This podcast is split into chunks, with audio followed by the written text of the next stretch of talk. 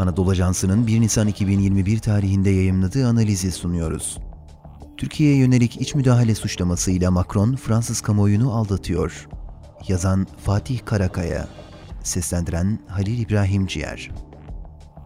Fransa Cumhurbaşkanı Emmanuel Macron, Türkiye'yi Fransa'nın iç işlerine karışmakla itham ettiği suçlamalarını tekraren dile getirdi.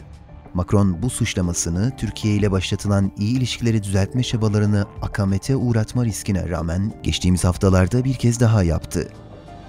Bazen seçimlerimize karışıyorlar, bazen de derneklerin finansmanına diyerek Türkiye'ye ithamda bulundu. Fransa Cumhurbaşkanı suçlamasına evet bu müdahale riskleri diğer Avrupa ülkelerinde de Fransa'da da ortaya çıkmıştır diye devam etti. Aslında bu saldırılar Türkiye aleyhine haftalarca devam eden iftira düzeyindeki bir dizi haberi tamamlar nitelikteydi. 7 Şubat tarihli Journal Dimanche isimli haftalık gazetenin attığı Erdoğan Fransa'ya nasıl sızdı manşetini bu haberlerin en önemli bir örneği olarak gösterebiliriz. Macron'un bu açıklamalarına karşı Türkiye Dışişleri Bakanı Sözcüsü Hami Aksoy, Türkiye'nin yaklaşık 800 bin nüfuslu Türk toplumunun refahı, barışı ve uyumu dışında Fransa'nın iç politikasıyla bağlantılı bir gündemi yok ifadesini kullandı. AK Parti sözcüsü Ömer Çelik de aynı şekilde Fransa Cumhurbaşkanı'nın sözlerine sert tepki gösterdi. Çelik, Fransız demokrasisi o kadar kırılgan mı ki bu kadar kolay baltalanabilir sorusunu yönelttikten sonra bu sözler Fransız halkına bir hakarettir değerlendirmesinde bulundu. Fransa'daki seçimler Fransız Cumhurbaşkanı seçimlere sözde Türk müdahalesinin nasıl olacağını net bir şekilde açıklamıyor. Bu belirli bir partiye ya da adaya oy verin talimatıyla mı olacak? Macron'un kendisi bu iddialarına bir açıklık getirmediği sürece varsayımlar üzerinden yorumlar yapmak zorunda kalacağız.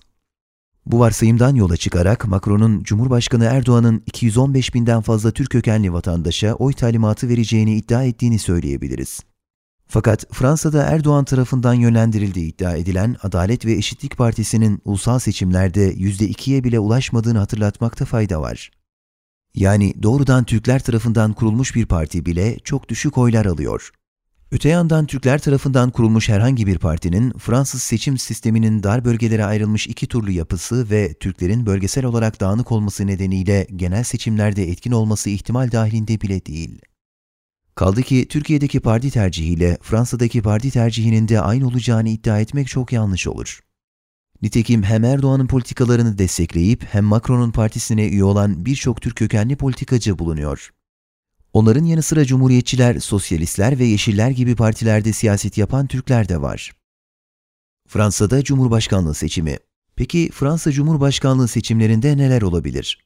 2017 seçimlerinde Fransa'da 47 milyondan fazla kayıtlı seçmen vardı. Bu seçimde 36 milyondan fazla Fransız sandık başına gitti. İlk turda Emmanuel Macron 8 milyondan fazla oy alırken ikinci gelen Marine Le Pen de 7 milyondan fazla seçmen tarafından desteklendi.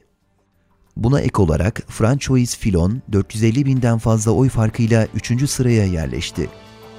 Dolayısıyla 215 bin Türk'ün oyları aynı adaya gitse bile sonuç değişmeyecekti hem siyasi hem de dini olarak Türkiye'ye düşman olan sağcı partilerin tavrı herhangi bir manevraya alan bırakmıyor. Aslında Macron, Erdoğan'ın piyonları diyerek rakiplerini şimdiden saf dışı bırakmak, Erdoğan'a karşı direnen tek lider olarak ön plana çıkmak istiyor. Hatta olası bir hezimet karşısında Macron suçu Türkiye'ye atmaya çalışıyor. Böylece kazanan adayı da Erdoğan tarafından seçilmiş biri olarak göstermeyi hedefliyor.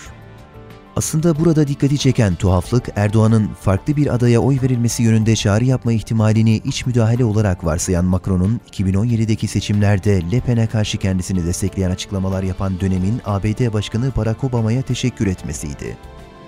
Demek ki Macron'u rahatsız etmeyen bazı dış müdahaleler de mevcut. Spotify, SoundCloud ve diğer mecralardaki podcastlerimizi dinlediğiniz için minnettarız. Lütfen abone olmayı unutmayın.